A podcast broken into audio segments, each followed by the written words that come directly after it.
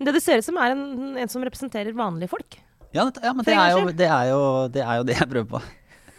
Hele veien. Dette er podkasten for vanlige folk. Ja, Helt vanlige folk i, hele landet. Hele Norges podkast. I, I hele I Norge som vi som vi elsker. Ja.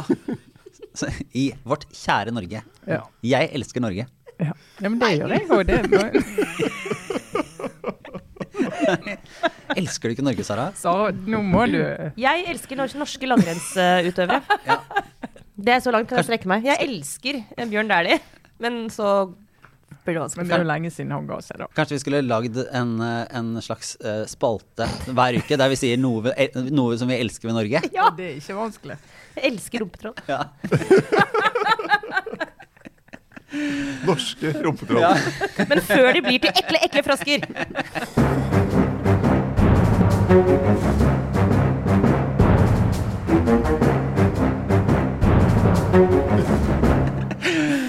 Ah, ja. Nei, men Da setter vi i gang med denne ukens Aftenpodden. Vi er på plass i studio. Det er solskinn. Det er, eh, kan vi kalle det sommer? Og det har vært et eh, vanvittig drama i Oslo-politikken. Her, eh, Det kan jo knapt bli bedre. Kjetil Astheim, god dag, god dag. God dag, god dag. Trine Eilertsen, god dag, god Ja, dag. hei, jeg er fremdeles oppfrisket og glad pga. litt politisk drama. Ikke kaos, sier Kristin Clemet. Det er ikke kaos, men drama må det være lov å si. Ja, Sara Sørheim. Forskjellen mellom kaos og drama? Eh, drama er mest gøy, kaos er litt ekte trøbbel. Eh, men dette er jo mest gøy. Hvis man, hvis man kan si gøy for journalister, i hvert fall. Ja, fordi vi, vi har jo fulgt da i lengre tid. Vi snakka jo om denne saken for noen uker siden også. eh, Hvordan Lan Marie Berg, altså Miljøpartiet De Grønnes samferdsels- og miljøbyråd i Oslo, var i trøbbel pga. denne ekstra si, reservevannforsyningen til Oslo. Kort fortalt, Oslo får alt vannet sitt i dag fra Maridalsvannet. Hvis noen kødder det til, så sliter, sliter alle sammen. Eh, siden 60-tallet eller noe sånt, så har det vært snakk om å få en reserveløsning, som jo ofte er lurt. Og få inn vann fra nederst i Tyrifjorden. Så bygge en kjempelang tunnel. Det er faktisk et veldig fascinerende prosjekt eh, at det går an. Det er sånn som Altså at man kan bygge den tunnelen. Men det skal vi la ligge nå. Det viktigste i den sammenhengen er jo at det blir visst veldig dyrt. Ja, og det blir omtrent 40% dyrere enn det man trodde. Og så har jo da opposisjonen sagt at eh, Jeg har ikke nødvendigvis sagt at, at, eh, at det ikke skulle blitt så dyrt. For liksom selve saken har man jo ikke gått inn og, vært veldig veldig kritisk til. Eh, men eh, informasjonen da fra Berg og prosessen, fordi det ble jo kjent relativt tidlig at dette kunne komme til å bli mye dyrere, så har jo da Berg fått en ekstern kvalitetssikring av disse tallene og venta da lenge med å, med å si fra og informere bystyret om at det kom til å bli eh, overskridelser, og det har ikke vært populært. Så eh, Fremskrittspartiet lanserte et mistillitsforslag. Masse drama. Til slutt eh, kom eh, også eh, byrådets støtteparti, Rødt, inn og var tungen på vektskålen og fikk eh, fremma et mistillitsforslag. Løsningen på denne floka har jo eh, vi internt eh, i eh, Aftenpoddens lille sånn eh, WhatsApp-gruppe eh, fått presentert fra Trine Eilertsen ganske tidlig. Altså, du har jo vært en slags eh, hva skal jeg si, ekstern rådgiver for Lan Marie Berg. Um, I, i, i Aftenpodden-gruppen, ja. ja, så hun veldig har, Intern. Intern ekstern. ja, for, Det nådde vel ikke frem, da, siden det var så internt. Nei, da satset jeg på fornuft og rasjonalitet og litt telepati. Ja, fordi du, du kom jo tidlig på banen etter at Rødt uh, sa fra at de kom til å Altså, Rødt måtte vise at de, det skulle litt til før de kom til å, å, å gi seg på dette her. Så hadde du den enkle løsningen, Trine. Du kan jo presentere den selv. Lan Marie Berg må trekke seg. Uh, gå ut og si uh, nå trekker jeg meg, og så vet alle at hun skal på Stortinget til høsten uansett.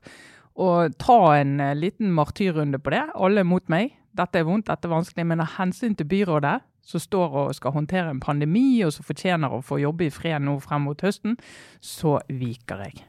Men Det skjedde ikke. Det skjedde ikke. Og uh, som Berg selv sier, ja, men uh, jeg syns hun har håndtert dette ganske så bra. Uh, eh, ser ikke noen grunn til å skulle eh, gå av. Så, så hvorfor skulle hun gjøre det der? Nei, sant? Og så kan du spørre de politikerne, den lange rekken av politikere og statsråder som har gått av pga. et eller annet, om de syns de burde gå av. Og da tror jeg 9,9 av 10 vil si dette syns jeg var urettferdig. Spør Grete Faremo, spør, spør mange. Ikke minst Åslaug Haga. Spør Åslaug Haga og om de syns at dette var eh, veldig eh, rimelig grunn til at de skulle gå av, og de vil tenke på mange andre grunner. Og så vil de likevel si at eh, men vet du, prosjektet er større enn meg. Det vil de ofte si. Og hvis ikke de klarer å komme på det sjøl, ta en eh, Sylvi Listhaug. Kanskje ikke kommer på det helt av seg sjøl, kan få litt hjelp til å komme på det. Og si at hør, du er en person Du er, ikke en, du er en person som er en rolle. Det er rollen dette handler om. Hvordan skjøtter du deg i den rollen? Det er ikke du som får masse motstand og kritikk mot deg for den du er. Idet du går ut av rollen, så snakker ikke vi mer om det. Så bare gå ut, ikke stå i veien for prosjektet. Det er den vurderingen de aller fleste gjør, eller får hjelp til å gjøre. Det gjorde ikke Lan Marie Berg. Og Kjetil, de, altså vi har jo en sak i Aftenposten i, i dag, torsdag, eh, der også kilder i eh, samarbeidspartiene sier at eh, altså hun, hun ble ikke pressa til å gå. Raymond Johansen har jo vært veldig tydelig på det eksplisitt også. at hun, han sa ikke at hun måtte gå av, eh, foreslo ikke dette. Eh, Berg sier selv at hun ikke har vurdert det engang. Eh, hvor, hvorfor har ikke Arbeiderpartiet da Hvis dette er den åpenbare løsningen, hvorfor har ikke Arbeiderpartiet satt seg på henne, sånn som man gjør på andre statsråder som må, må gjøre noe med de ikke har lyst til?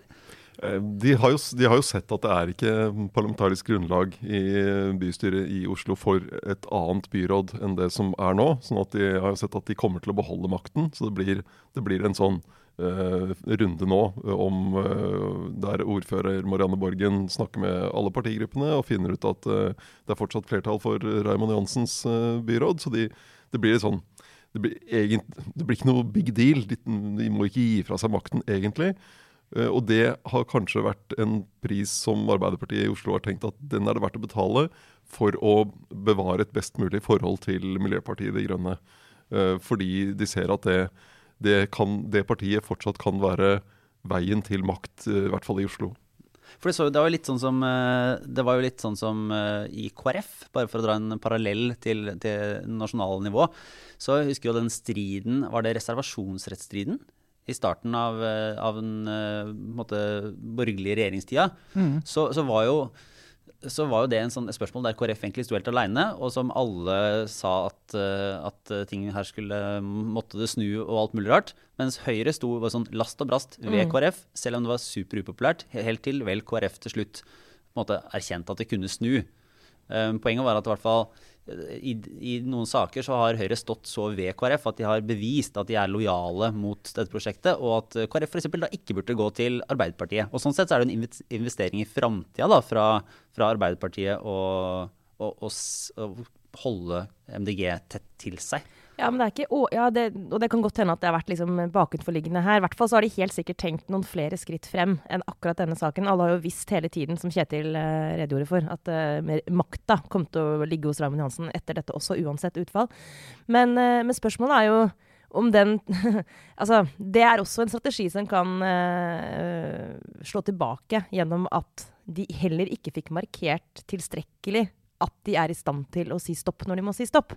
Så om det her var en investering i en god relasjon til MDG for Arbeiderpartiet sin del, hvis du løfter opp på riksnivå, eller om det var en eh, slags innrømmelse av at de blir bastet og bundet eh, av det partiet når det tilspisser seg.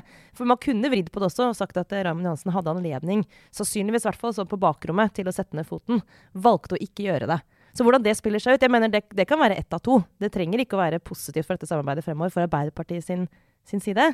Eh, hvis velgerne til Arbeiderpartiet får en følelse av at de ikke kommer til å eh, sette ned foten når den bør settes ned. Ja, fordi Nasjonalt så, så sier jo eh, på borgerlig side så snakker de om Arbeiderpartiet som altså, eh, kaos på rød-grønn side. Yes. Skal trekkes i ulike retninger av Rødt og MDG og skal samarbeide her og skal samarbeide der. Og at de nettopp kommer til å havne i sånne situasjoner der på en måte småpartiene da, som, de, som de mener er enten er uansvarlige eller mener et eller annet sært, kommer til å få innflytelse på Arbeiderpartiet og, og rykke dem bort fra den liksom eh, trygge styringen som altså, Høyre har begynt å snakke så mye pent om Jens Stoltenberg at det er helt, eh, helt vanvittig. Det har de jo på med siden eh, høsten, våren 2014.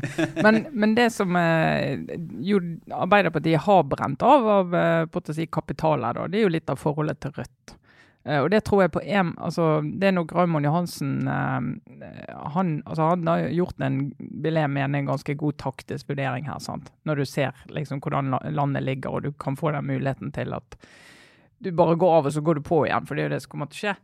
Eh, men så har jo det kostet overfor Rødt, og det er jo ikke han som på en måte har gjort det. Det er jo mange i MDG som helt oppriktig, og ikke minst eh, Lan Marie Berg sjøl, helt oppriktig eh, i hvert fall gir uttrykk for at de ikke kan forstå hvorfor Rødt valgte som de gjorde. Eh, og viser egentlig en utrolig mangel på forståelse til den tradisjonen Rødt kommer fra. Og det som Rødt eh, har, eh, har, bygget mye av makten og populariteten sin i særlig Oslo og også Bergen. I perioder der Rødt har vært helt marginalt, så har de gjerne hatt en i bystyret i Oslo og Bergen, Torstein Dale i Bergen og Erling Folkvår i Oslo. Og det handlet om at de har tatt en veldig eh, tøff kontrollfunksjon. Eh, og de har sagt hele tiden at vi, vi, gjør ikke sånne taktiske vurderinger i sånne spørsmål. Vi går inn og gjør det som vi mener er riktig. Det får de mye igjen for. Sant? Og nå får de masse kjeft for at de har liksom eh, veltet byrådet ved hjelp av de borgerlige, og liksom er de egentlig litt sånn borgerlige. Og det mener jeg du virkelig ikke kan anklage Rødt for. Eh, her har Rødt gjort Her har Rødt vært Rødt. Uh, og det er når eh, MDG og en del, også i Arbeiderpartiet, har gått så hardt på Rødt i denne saken, her, så koster det sant, i, uh, for de.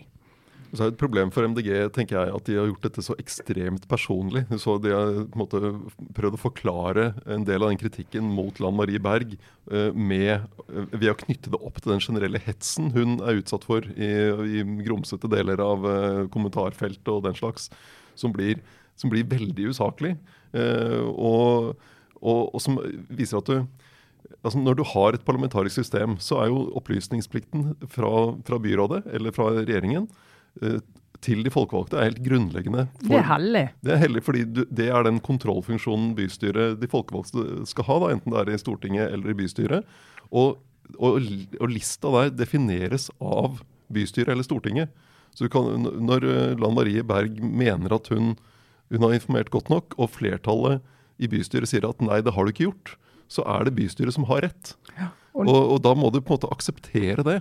Men dette tror jeg kan være ganske vanskelig å forstå sånn umiddelbart for mange der ute. Fordi, og det er kanskje litt som er en hemsko for, for MDG faktisk generelt, er at når du, har, når du er et veldig tydelig ensaksparti, og de har så veldig tydelig på en måte et, eh, et høyere mål sant? Altså Alt de gjør, det handler om, om miljøkampen og å vinne det, det store slaget.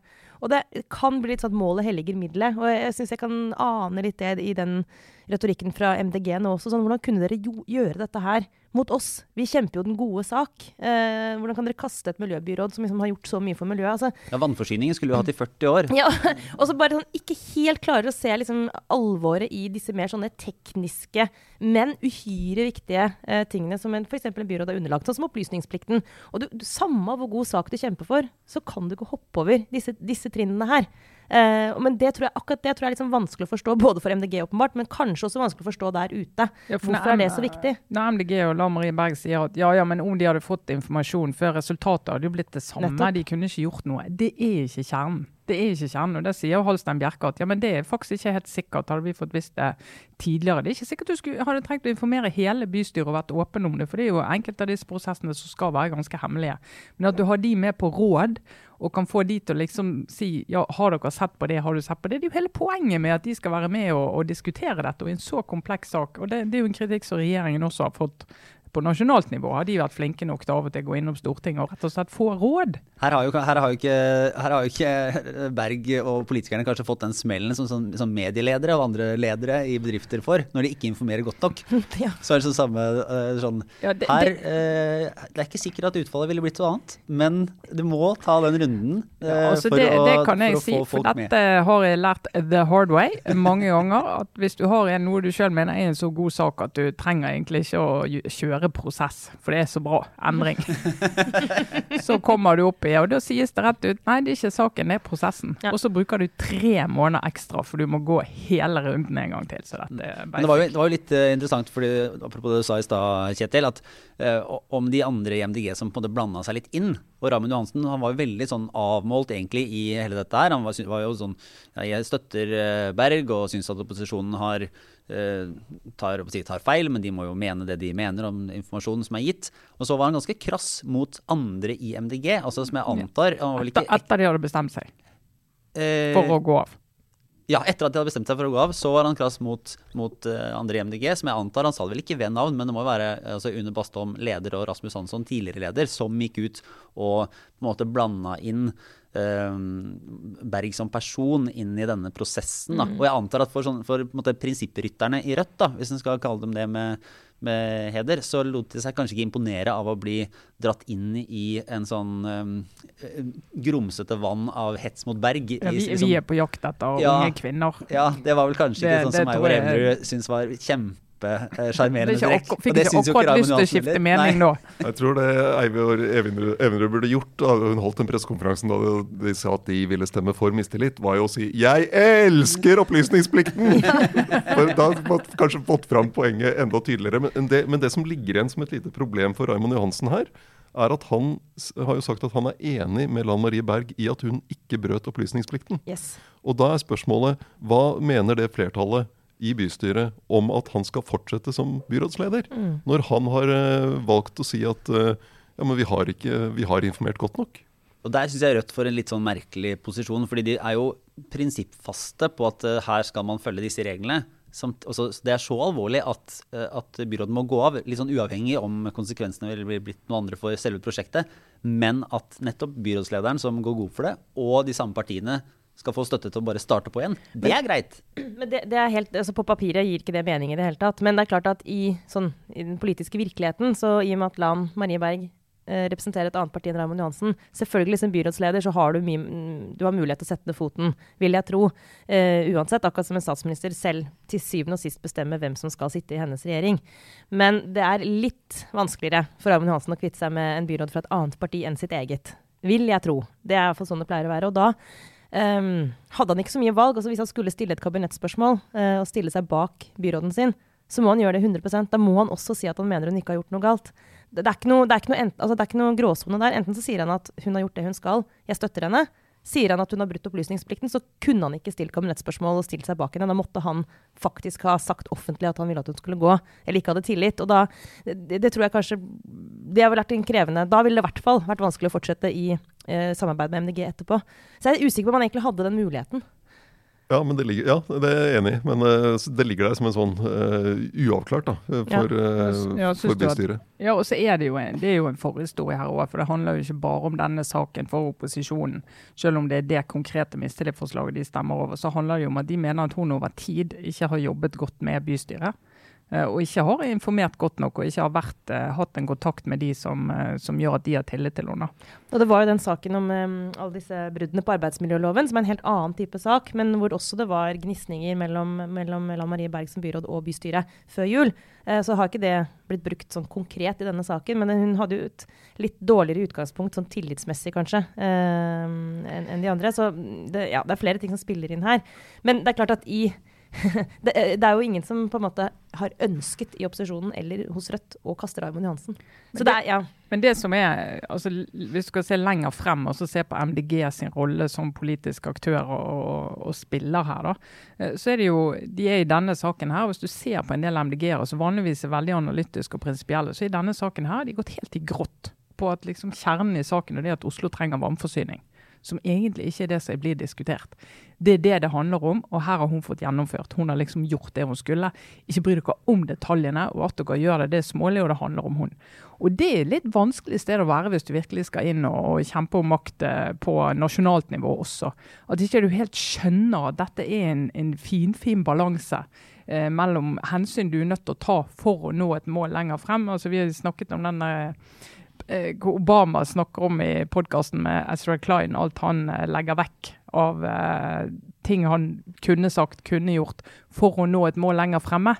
Og det gjør jo gode, dyktige politikere. De sier OK, her må vi bare tenke lenger frem. Og det, hvis, har, hvis det blir sånn at det nærmer seg nesten sekt i måloppnåelse. Vi, vi, gjør bare det rette, så kan du ende med å ikke nå målet ditt. Men så går det en grense for Jeg må ta ja. videre til, en, til et, en, annen del av det, da, eh, som, som, dreier seg om kanskje strategi og langsiktige spørsmål. Det er jo fra resten av altså de borgerlige partiene. Så, så er det jo sånn at, eh, at MDG har jo etablert seg i Oslo som i, altså som i utgangspunktet et blokkuavhengig parti har sagt tidligere, altså, i hvert fall for, altså, før de gikk inn i 2015, så var det jo at de måtte kunne samarbeide begge veier, og har vært åpne på det. Så i 2019 så gikk det jo i og for seg til valg sammen altså på det eksisterende byrådet, og sånn sett i eh, rød-grønn, om du vil kalle det blokk. Men eh, de er jo såpass store i Oslo etter hvert at det kan være vanskelig å se for seg et flertall for altså, for Høyre eller Arbeiderpartiet uten å få til et samarbeid med MDG. Da må i hvert fall ganske mye skje. Og, og, sånn sett så er det noen strategiske utfordringer for Høyre ved å eh, delta i dette og på en måte være med på å rive det ned, eller eh, jeg tror, sånn Høyre, jeg tror gjøre det er liksom problemer innad i Oslo Høyre på så mange nivåer, eh, Lars. At eh, ja, dette kan, sikkert, dette kan, sikkert, også gjøre det litt vanskeligere å i framtiden inngå et uh, mulig samarbeid med MDG. Men jeg tror, liksom, jeg tror rett og slett at uh, vi må konstatere at den Altså Oslo Høyre ikke, fungerer egentlig ikke for tiden. Men, men jeg tror og, ikke det hadde vært en god strategi for Høyre å her skille seg ut fra resten av opposisjonen, nei. fordi at de kanskje skal samarbeide med NDG om to år. Det, det tror jeg hadde vært. Da hadde taktikken spist de opp, altså. Ja. Men det som kan skje, hvis dette forsurer da forholdet eh, til det rød-grønne byrådet eh, de har med Rødt, er jo at det blir at de kan, de kan jo vende seg mot venstre i en del saker, og det har jo MDG hatt et ønske om Eh, i større grad enn en det SV har. Så det, sånn, På kort sikt da, i bystyret så det jo, ligger det jo en mulighet for, eh, for Raymond Johansen å søke søke støtte eller budsjettsamarbeid et annet sted enn hos Rødt. Mm. Og Avslutningsvis, på kort sikt så er det jo også sånn at eh, alt tyder på at det samme byrådet eh, får makten igjen eh, ganske snart. Sånn, uten, en, uten ett medlem. Uten ett medlem. Så, så da, da, har vi jo gått gjennom den dansen. og Det er derfor det kanskje er drama og ikke et kaos. fordi at det i utgangspunktet kommer til å fortsette ganske uh, som før. og Spørsmålet er jo da hva velgerne får ut av dette. Det er jeg veldig i tvil om. altså. For det her mener jeg at de som, som har dratt i trådene her, ikke har evnet å forklare det. Og ikke minst Lan Marie Berg, når hun likevel sier nå at hun hadde tenkt å gi seg. Da blir det en markering som jeg tror en del velgere ikke helt forstår at vi skal bruke en uke på. Nei, og så tror jeg kanskje, bare avslutningsvis, at uh, vi, velgerne, er litt grann mer opptatt av liksom, neste trinn i, av gjenåpningen i Oslo. Nå hadde Raymond Johansen sin 29. koronapressekonferanse eh, samme dag som altså, Hvilken dag var det? Tirsdag min indre sånn eh, OCD var litt sånn må, Han må få lov til å ha sin 30. Fordi da er det sannsynligvis liksom, Om det ikke er full gjenåpning, så er det liksom Da er vi i mål. Og hvis han liksom nå ikke altså, Det bare fikser jeg ikke. Liksom, nå blir det sånn Det blei ikke noe han fikk ikke liksom fullført denne, Det ble ikke rundt tall. Det ble ikke rundt tall, og det ble ikke den aller siste PK-en som er sånn Nå, folkens, er livet tilbake igjen. Så det, det er egentlig ja. sånn Det håper jeg Det må jo være litt bittert. Det, det ja. har jo antageligvis ikke så mye å si, fordi jeg vet ikke hvor mye sånn direkte partipolitikk som vil ligge i gjenåpningen av Oslo uansett. Men og nå skulle på en måte Hvis det løsner, når det lysner, der blir sommer, nå er det faktisk endringer i reglene, alt ser bedre ut. Uh, og så uh, må de for det første bruke masse tid på å å sette det her sammen igjen, og den prosessen som har vært en uke her, skygger over noe av den gleden ved å kunne stå som faktisk byrådsleder og si at nå er vi gjennom dette? Og Først kom mutanten ja. og ødela for det tidligere på, på seinvinters. Det var jo helt uh, før den britiske mutanten kom, som nå heter noe annet. Da var det jo sånn at uh, Ramen Hansen åpenbart hadde planlagt den talen som var sånn Nå, kjære Oslo-folk, dette har jeg gleda meg til! Og så ble det utsatt i tre måneder, eller hva det var for noe. Sant? Og nå var det jo nesten der på tirsdag, men det er liksom et lite knepp igjen. Og så uh, da må jeg bare si at helt uavhengig av partipolitikk, at jeg syns liksom synd på han. Hvis han da som en ren sånn Her kommer jeg som leder av et forretningsministerium og bare sånn faktuelt må opplyse at uh, til orientering, uh, Oslo er åpen. Uten å kunne liksom hente den politiske seieren som byrådsleder. Åh, ja. Det tror jeg folk vil unna uansett, faktisk. Ja, faktisk. Men eh, da går vi videre til eh, Arbeiderpartiet nasjonalt, Jaha. som jo kommer med litt sånn internasjonalt eh, preg. De første 100 dagene har jo blitt et sånn begrep i, eh, i valgkamp og, og si overalt, egentlig. Så det dreier seg om hva, det, måte, hva som skal gjøres den første tida etter at en eventuell ny regjering er på plass. Og da har jo Arbeiderpartiet kommet med ikke si, sak, ikke to sak, ikke tre saker, eh, men 40 eh, saker. 40 saker for de første 100 dagene. En real pakke med punkter. Er det 40? Mye eller lite, Kjetil? det er jo altså, Noen av disse tingene tenker jeg kan fungere i en sånn 'dette skal vi gjøre med en gang', som, som det å øke fagforeningsfradraget. For det, der har du en tydelig markering, en tydelig forskjell da, mot de borgerlige og noe som er viktig for, uh, for kjernevelgere av Arbeiderpartiet. Og veldig konkret. Ja. ja. Og så er det veldig mye annet som er uh, det, er litt sånn alle skal med-følelsen når du har 40 punkter. Og det er sånn, fem av dem er sånn starte. F.eks. starte en sterk satsing på fagutdanning. Det er et dårlig sånn 100-dagerspunkt. Og så skal de sette ned to kommisjoner. Det er heller ikke noe sånn spesielt imponerende. Eh, og så har de litt sånn generelle punkter, sånn som styrke sykehusene og den medisinske beredskapen. Eh, ja. Ja. eh, 100 Gjerne med det, liksom. Men det, for å dra en parallell til mitt eget liv, da. Altså, når vi sitter og lager sånne strategier for sånne virksomheter som jeg leder nå, så har vi, du har, du har lang sikt, parallell, fireårsperiode. Og så har du kort sikt, mellomlang sikt, statsbudsjettet, et år, sant? som vi jobber med. Og så har du eh, kvartal-type. Og hver gang vi skal sitte og lage sånn, hva skal vi gjøre i dette kvartalet? Så kommer vi i denne her, vi kan ikke ha for mange mål og tiltak. Kan ikke ha for mange. Det må være mulig å gjennomføre i den perioden. Men så får du den diskusjonen, ja, men det som ikke står her, da vil folk tenke at det ikke er viktig. Og det er sånn disse listene blir så lange. Fordi at du begynner med dette er det aller viktigste vi skal gjøre, og som vi mener vi skal gjøre i dette kvartalet og tror vi kan få til. Og så kommer det innspill. Ja, men de, vi er ikke nevnt. Ikke vi er viktig. Det er ikke nevnt. Ikke det er viktig. Og det- så det- baller det på seg. det er jo det som har skjedd med denne listen her. Sånn. Du begynner konkret fagforeningsfradrag, eh, arbeidsmiljølov, litt sånn for så vidt enkle ting. Og så kommer det en inn og sier ja, men vi er ikke nevnt, og mitt sak er ikke nevnt, og jeg vil være med. Og så sier de okay. Det, det er punkt 17, faktisk. Ja, punkt 17 som er Opprette et eget program for å forenkle og gjøre tilgjengelig virkemiddelapparatet for små og mellomstore bedrifter som søker støtte. For, Ja. for nå er det vanlige folks tur. Ja, det er klart at, eh, det er klart at når du da har lagt frem de 40 punktene, så er det ikke sånn at velgerne sier og den, de går liksom har de 40 punktene. Du må, du må klare å gå ned til tre, kanskje fem. Kanskje fem. Men her følger de jo eh, KrF-oppskriften. De leverte jo en, eh, en liste over sine seire i regjering som var lenger lengre enn 270 eh, ja, eller noe før sånt. de gikk i regjering, var det ikke? Ja. jo, jo, det var samarbeids... Ja, det er Sånn, helt rett. Det var samarbeidspunktene som og vi husker ingen. Nei, jeg husker at det var Sant? mange, da. For det er sånn det er. Du husker ingen, og det fremstår helt uprioritert. Ingenting er viktigst. Men det blir en liste som de kommer til å bli målt på i, i høst. Når, Ja. når de, hvis de da får makt og skal forhandle regjeringsplattform, og eh, når de da statsbudsjettet legges jo frem uansett av den sittende nå, nåværende regjering. Eh, og hvis den går av, så skal jo en ny regjering lage en tilleggsproposisjon med hva de vil endre på av budsjettet. Og da vil jo disse 40 punktene bli De må sjekka, være inni sant? der. Hva, hva har de fått med? Og ikke minst, selvfølgelig vil det bli målt på hvordan det skal finansieres. Altså, som er jo den, altså, det er veldig mye her som koster penger, og så skal det, skal det tas noe gjennom eh, økt formuesskatt. Eh, men så spørsmålet er om det adds up, om du klarer å Og det gjør det jo ikke. Det gjør jo aldri det. Så dette er jo dyrere enn det du kan tenke deg at du kan få inn på skatteøkninger. Men det er jo også fordi de skal ikke gjøre alt på en gang. Men den der er liksom OK, de kommer til å bli pressa på det Trine var inne på. OK, men hva er viktigst da?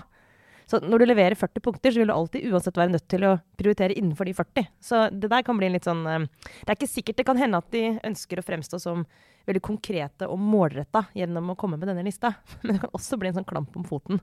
At eh, resten av den perioden kommer til å handle om om de har lykkes eller ikke med å oppfylle denne lista. Men jeg lurer på om det, er jo ikke En kan jo, for å gi eh, si, litt sympati eller forståelse Jeg tror kanskje at målet eller kan, Det kan i hvert fall være et mål å, eh, å vise at man faktisk vil ta Norge i en annen retning. Da. Og da blir jo summen eh, på en måte en liksom verdi i seg sjøl. Og jeg synes hvis du leser den lista, så er det jo du, du, du merker en kontrast. De setter opp en ganske tydelig kontrast til regjeringen som har vært. Og da kan jo mange kjenne seg igjen i noen av disse punktene. og liksom Ok, eh, de, de sier at det går an å endre Norge eh, i løpet av ganske kort tid, og det lover de å gjøre. Og det er jo på en måte et, et politisk argument i seg sjøl, at, at de, eh, Arbeiderpartiet er klare til å gjøre grep som vil endre hverdagen din, da, vanlige person. Uh, som, som du vil merke. Og da, da er det kanskje mer effektivt å si at det er 40 ting, fordi at det er både Da her og der, og favner flere, og det er liksom du skal eh, Stort sett ting som folk skal få, da, men, men det har en annen effekt som kommunikasjon enn å skulle si at vi skal gjøre tre ting, og det er en sånn eh, Ja, stoppe en reform og det, for da blir det jo liksom Da blir de løfta til veldig, veldig viktig òg, da. Så jeg, jeg antar at det kanskje er en måte å å, å vise at Arbeiderpartiet nå er klare til å faktisk gjøre noe. At de er litt radikale, de òg. Ja, Det, det var jo Trygve Slagsvold Vedums problem. da Han var jo ute i Dagbladet med sånn ti, ti poster eller noe sånt. Dette skal vi gjøre først. Og så var punkt nummer én var å oppløse uh, Viken, sammenslåtte Viken fylke. Ok, det er veldig Senterpartiet. Det er veldig sånn klar profil for dem.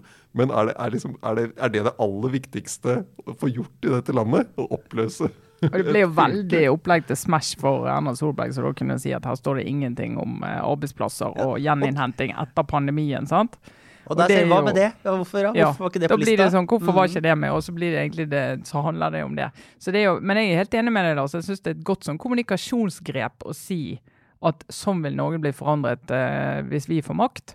Og liksom si, og dette er det, vi skal begynne med med en gang. Og det må sette ned noen som skal se på noe. Det, jeg er jo veldig opptatt av at du skal utrede før du, før du gjennomfører ting. Sant? Så det er jeg veldig glad for at vi er på det nivået der. Eh, Men jeg tror at når det er så mange punkter, så drukner det litt. Det er ikke så lett å ta med seg rundt i valgkampen og si altså Punkt 37 for eksempel, på listen vår, da, der, så ja, det, det, er ikke, det, det, er en balanse.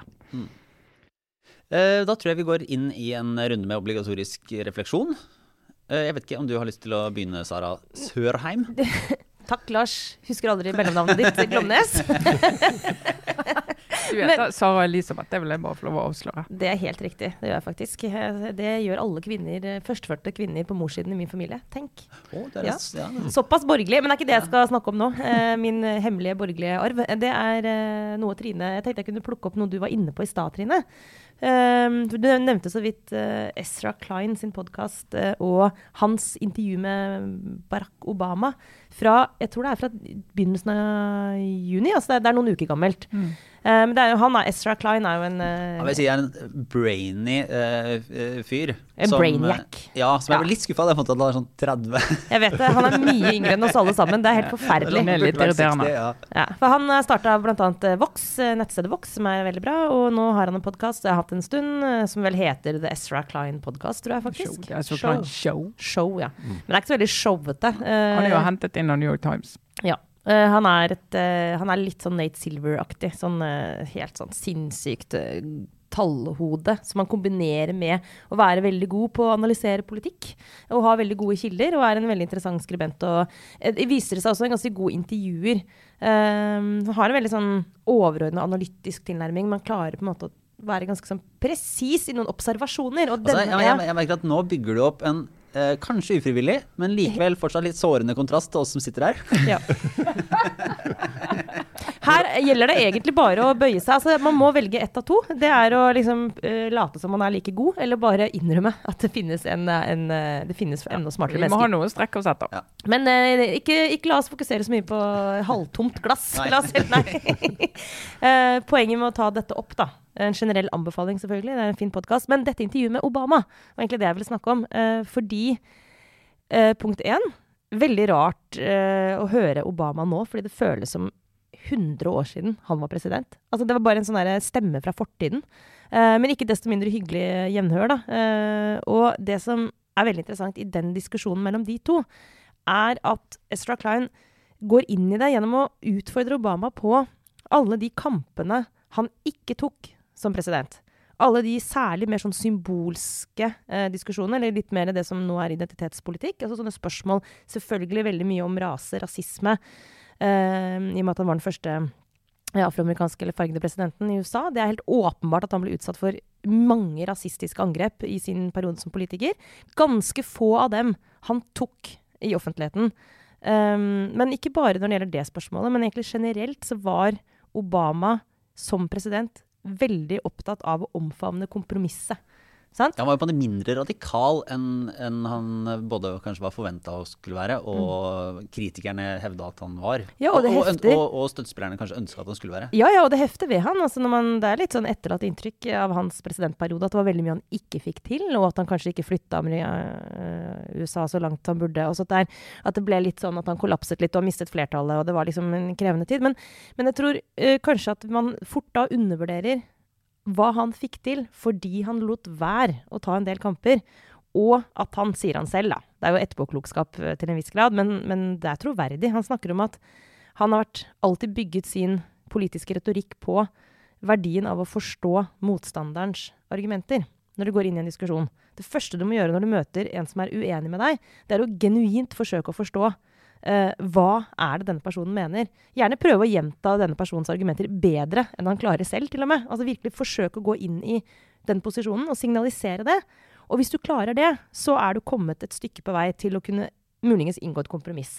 Skjønner, en helt, helt annen tilnærming til politisk diskusjon enn det vi som regel ser. Det, det, er, det er så interessant, for Ja. han, han sier jo det, og, og det gir jo på en måte mening. Og i en mellommenneskelig situasjon så, så vil man jo etterleve det eksempelet. Men bevisbyrden, altså bevisene viser jo at han fikk jo ikke det til med republikanerne. Så det er litt sånn rart. Eller jeg, jeg har ikke hørt det intervjuet, men det er litt sånn spennende det at han liksom med den tankegangen så kom han jo ingen vei i å få med seg de politiske motstanderne. Så det er litt Nei, sånn og, og, det, eh, og det er jo eh, Jeg har jo da hørt 27 timer som kjent med Obama på lydbok i, i vår. Eh, så han snakker mye om dette. Og dette fungerer jo hvis de du snakker med er i hvert fall i nærheten av å tenke noenlunde på samme måte. Men det som skjedde med republikanerne, var jo at de gikk inn i en sånn Uansett om det kommer et godt forslag fra Obama-administrasjonen, så skal vi stemme det ned. Altså, det, det, kan være, det kan være ting i det som kan være bra, men vi skal bare stemme det ned. Og når den andre motparten har det utgangspunktet, og i tillegg bruker masse energi på å si, mistenkeliggjøre hele prosjektet ditt, så kan du gå og lytte så mye du vil og prøve å strekke deg, men du får ikke noe tilbake for det. da. Jo, men og, til og så er det klart han utførte jo mye mer enn han Altså, Han fikk jo gjort mye også, men det tok jo veldig lang tid, og det kostet mye politisk, og det var liksom litt sånn konkursbo på slutten. Men akkurat den holdningen at han faktisk fikk noen få republikanere som av og til kunne støtte demokratene, gjorde jo at han fikk gjort ting som han ellers ikke ville fått gjort. Ja, så må vi ikke glemme at eh, ja, det var mye han ikke fikk gjort, men hallo, han ble president. Eh, Han kom så langt man kan komme. Altså Hvis vi tenker litt mer på det Altså, tenker Han hadde nå i hvert fall ikke fått gjort noe Nei. hvis han skulle ha den holdningen som eh, Mitch McConnell og motstanderne hans hadde der. for Da hadde du på en måte ikke engang kommet i dialog. og Det er jo litt av tilliten til det amerikanske politiske systemet handler jo om det. At du har ikke den vanlige diskusjonen over eh, partigrensene som gjør at du faktisk får løst problemer for folk. da. Men det er klart at den holdningen den, den kollapser jo eh, i møte med bare mistillit og med helt sånn der gjennomført bare kampanje. Altså vi er ikke med dere uansett. Så det er, jo, det er jo veldig veldig trist. Og det er det som kanskje gjør at det er en sånn Man blir sittende igjen litt sånn Det er ja, faktisk litt trist etter å høre intervjuet også, fordi at eh, det er jo den holdningen og den måten å omfavne kompromissene på, det å kunne leve godt med paradokser, det å kunne leve godt med at du må tape en kamp for å vinne en annen, alt det der, det er det mangefasetterte politiske livet. Liksom, at, at det virker nærmest umulig i det politiske debattklimaet som vi ser, særlig i amerikansk politikk, selvfølgelig. Jo, og Men det er jo ikke noe alternativ å gi det opp. Uh, og jeg tenker også på eh, arven. altså Vi snakket nå om det republikanske partiet, og eh, at de på en måte ikke, ikke De valgte å ikke inngå i den dialogen. Men også når du ser på venstresiden, særlig også i amerikansk politikk, men det gjelder jo også her, egentlig. Vi har snakket om MDG. Altså veldig sterk symbolpolitikk, identitetspolitikk. Eh, og også der en uvilje mot å invitere inn i diskusjon. Og uten å gå altfor langt inn i det nå, med hele den derre eh, cancelling, eh, altså hele den no platforming-holdningen til motstandere som du bare ikke finner verdig. Eh, motstandere som har sagt noe feil, altså gjort et eller annet som, eh, som ikke er akseptert. Altså Bare fordi du ikke har full kontroll på biologien og eh, vet 100 hva et rumpetroll blir til, så skal du ikke inviteres inn i biologitimen. For eksempel! Det er sånn woke-kultur som vi har sett. Vi har sett enkelte, vi har fått enkelte sånne woke tilbakemeldinger på, på rumpetroll-ting. Blant annet fra ja, og naturfagslærere og tingrettsdommer og det hele tatt. Men vi godtar ikke den type no platforming. nei, altså, Nei. Du har fortsatt en plattform hos oss. Ja, hva, tusen takk. Jeg hadde håpet jeg skulle komme gjennom denne sendingen uten, eh, uten Ja, rumpetrollreferanser. ja, bare si det at alle har hull i allmennkunnskapen sin, men de er flinkere til å skjule den enn du er, Sara. Men det betyr ikke at ikke de har hull. Tusen takk. Kan vi snakke litt mer om Obama nå, eller? Ja, jeg Nei, men jeg skal bare ja. runde av, Lars, med å si bare at den, em, det, det er ikke bare noe som preger eh, den amerikanske høyresiden. Dette er en holdning som gjennomsyrer veldig mye av den politiske diskusjonen, også i Norge. Hvor du rett og slett eh, avskriver en del mennesker fordi de mener noe feil. Eh, og det må vi slutte med. Da blir eh, debatten dårlig. Og det tenker jeg sånn Hvis arven etter Obama eh, Hvis han på en, på en eller annen måte liksom fortsetter å snakke om dette her, så skal jeg love å høre på hvert eneste ord. Og så anbefaler jeg alle å bare ta liksom Han, han er litt irriterende å høre på. Han bruker mange ord. Singler i glass her, men han kommer ikke alltid til poenget. Men hold ut, for det er kjernen i det budskapet er veldig, veldig viktig. Ja. Ja, jeg støtter det, Sara. Jeg har hørt det. Det er all- veldig, jeg syns det er inspirerende å høre på Obama og hans holdning til det å få til noe politisk. Eh, hvordan er det med deg, Kjetil Alstheim? Jo da, vi kan fortsette utenriks, egentlig. Det har jo vært eh, det toppmøtekjøret gjennom eh, altså G7 sist helg, og så eh, Nato-toppmøte og Joe Bidens møte med EU, og så Joe Bidens møte med Putin til slutt. Eh, og mm, Kina har jo vært et viktig tema på flere av de møtene.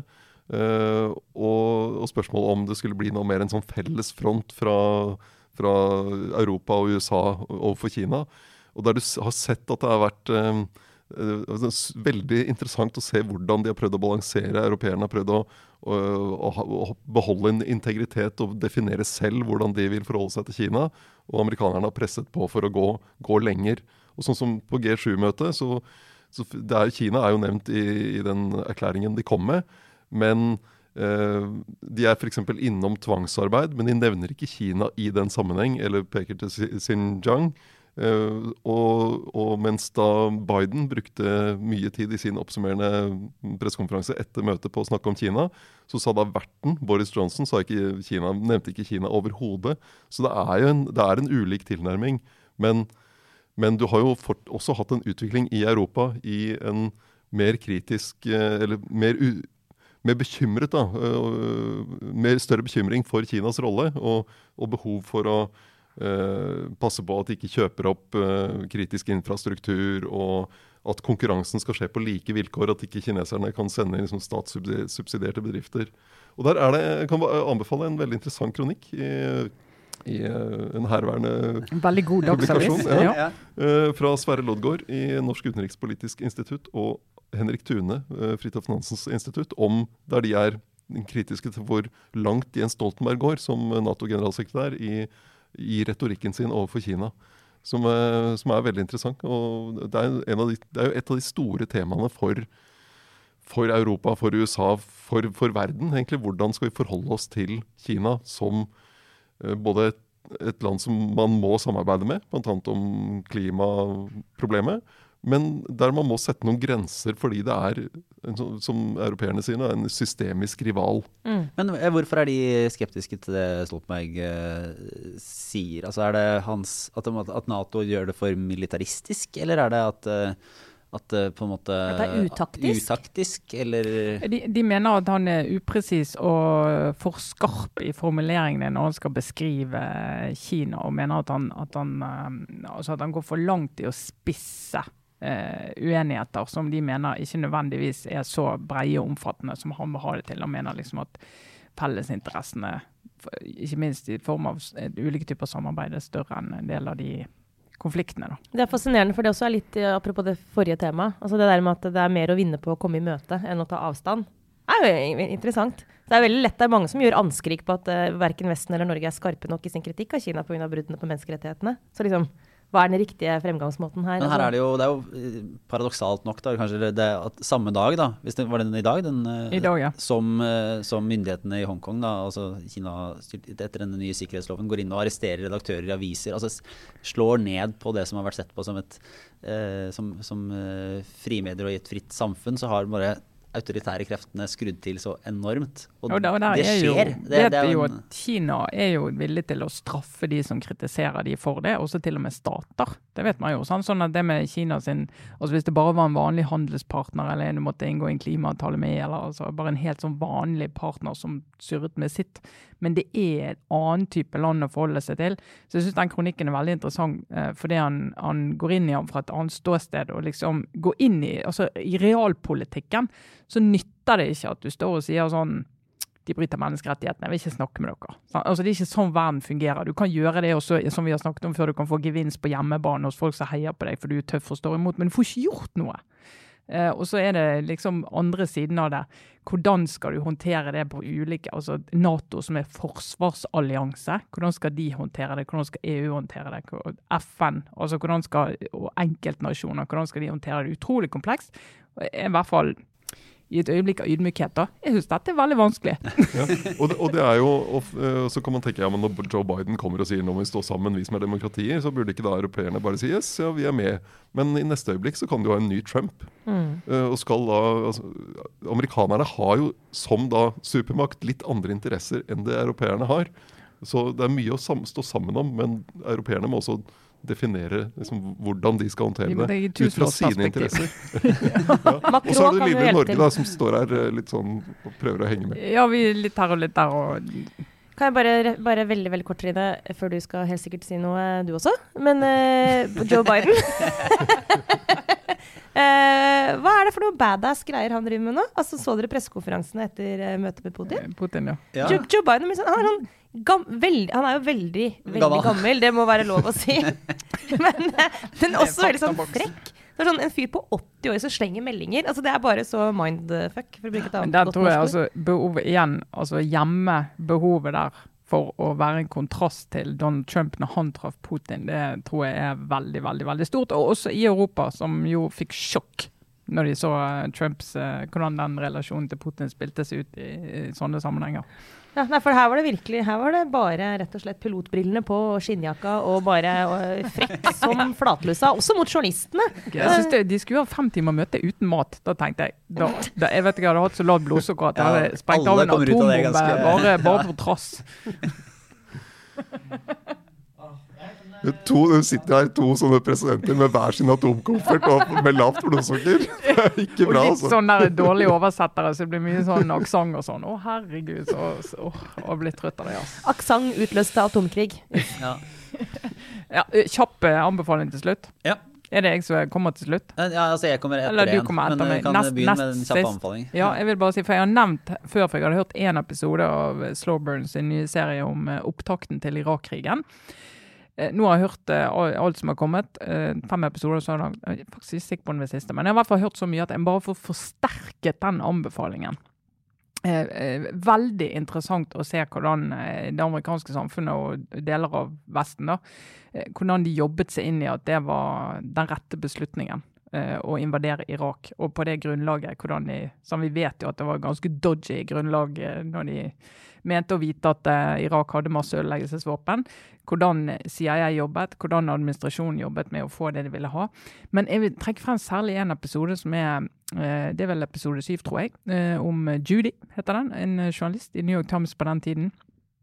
Som er veldig illustrerende på problemet med når eh, det som skjer hvis du tillater for mye aktivisme i journalistikken. Dette er jo en av mine kjepphester. Jeg er veldig redd for aktivisme i journalistikken. Den gangen var det Irak-krigen. I dag er det en del andre tema der journalister går inn og, og litt for tidlig bestemmer seg for at ja, men det rette er jo dette. Så nå må vi gå inn, og så om du forstår det sjøl eller ikke, men det må du da få hjelp til å komme ut av, så slutter du å sjekke andre kilder. Eh, Du stoler for mye på noen av de kildene du har, og du jobber for å forsterke et bilde og et inntrykk. Men, en- denne Judy, var, det, var hun da øh, for eller mot Hun var for Irak-krig. Altså, hun vil si i dag og sier at hun var ikke for, hun bare gjenga det kildene sa, og gjenga det som de snakket om i administrasjonen. Eh, og av ting som hun hadde fått vite. og altså, eh, sett, Når du hører hun snakke, så skjønner du hvorfor hun havnet der. Men dette handlet òg om har du redaktører som er djevelens advokat, har du folk rundt deg som utfordrer deg på kildegrunnlaget ditt, vet redaktørene dine nok om hva type kilder du bruker. Og altså, En veldig interessant gjennomgang av hennes journalistikk, rett og slett. eh, Som du sjelden opplever eh, at du går inn i. eh, At vi får. eh, Og da, eh, og da tenker jeg på det at uansett hvor god saken er, så kan en journalist aldri lukke øynene for at det ser annerledes ut fra et annet ståsted. Det kan finnes andre kilder som kan nyansere dette bildet. Og med en gang du går inn i en sånn 'jeg kjemper for a greater good', da skal du be om hjelp, rett og slett. Da skal du si at nå er jeg så engasjert i denne saken, jeg kan godt skrive ned, men jeg trenger hjelp til å bli utfordret. Ja, Da skal jeg avslutte med en eh, anbefaling som kanskje bare bryter helt med, med de to eh, foregående. Men det er bare litt interessant fordi i- altså, podkasten Invisibilia er jo en amerikansk eh, sånn NPR-podkast som lager dokumentarer og litt sånn eh, ettertenksomme, fine historier. Eh, og så hadde jeg her nå for eh, kort tid siden, eh, jeg skal lenke til den i eh, nyhetsbrevet eh, og på Facebook, eh, en episode om norsk sånn eh, sakte-TV. Og det har det jo vært. Hvorfor det? eh, Nei, nei det, det som var egentlig Det interessante var det som var spørsmålet de stilte, kanskje? Det var akkurat det de stilte. Uh, og så, kom, så, så drar Men det er gøy å høre, da. For at noen, når, når noen i utlandet uh, begynner å analysere noe som en kjenner altså relativt godt, da, fordi det er et fenomen, så kom, de kan jo peke på ting som de på en måte enten bommer eller treffer på. Men de drar jo et sånn analytisk perspektiv inn i hva dette er, som var litt interessant. Og en av, eh, en av de tingene de kom fram til, var at dette var en, en måte å bevege seg bort fra det, det narrativet. Det at narrativet nå er det dominerende i i alt. Den politikeren som har den beste all, historien. Ja, for akkurat det der eh, misbruket av ordet historie. Dette er ja. historien om. Å, så lei av det. Sånn at, ja. at det, alt handler om å, å, å, ha det mest overbevisende narrativet, den mest overbevisende historien. Mens i sakte-TV-universet så på en måte åpner man bare helt opp. Altså Det er litt sånn demokratiserende. Det som skjer, det skjer. Det som skjer, det skjer. Uh, og hver kan som komme inn i det og tolke det litt fra uh, sitt uh, synspunkt eller sitt standpunkt og se det man vil se. da. Og, og, og, så går de inn i det og ser om det kunne vært gjort i USA, hvorfor det, ikke, altså hvorfor det har vært vanskelig, hva det eventuelt kunne være. Bare minne om at den første egentlig sakte-TV, altså sakte-TVs gjennombrudd i Norge, var jo egentlig Big Brother. Første sesongen med Big Brother, for det skjedde ingenting. Husker du vi bare satt og så på alle de folka i den hangaren?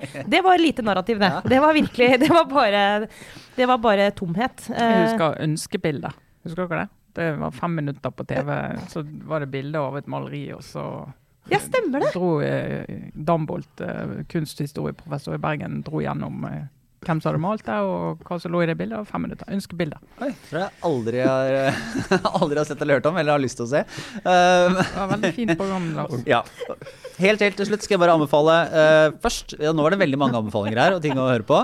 Men uh, Og se på et ønskebilde. Ja. Finn deg et ønskebilde på internett. Mindfulness. Uh, i Aftenpodden-regi.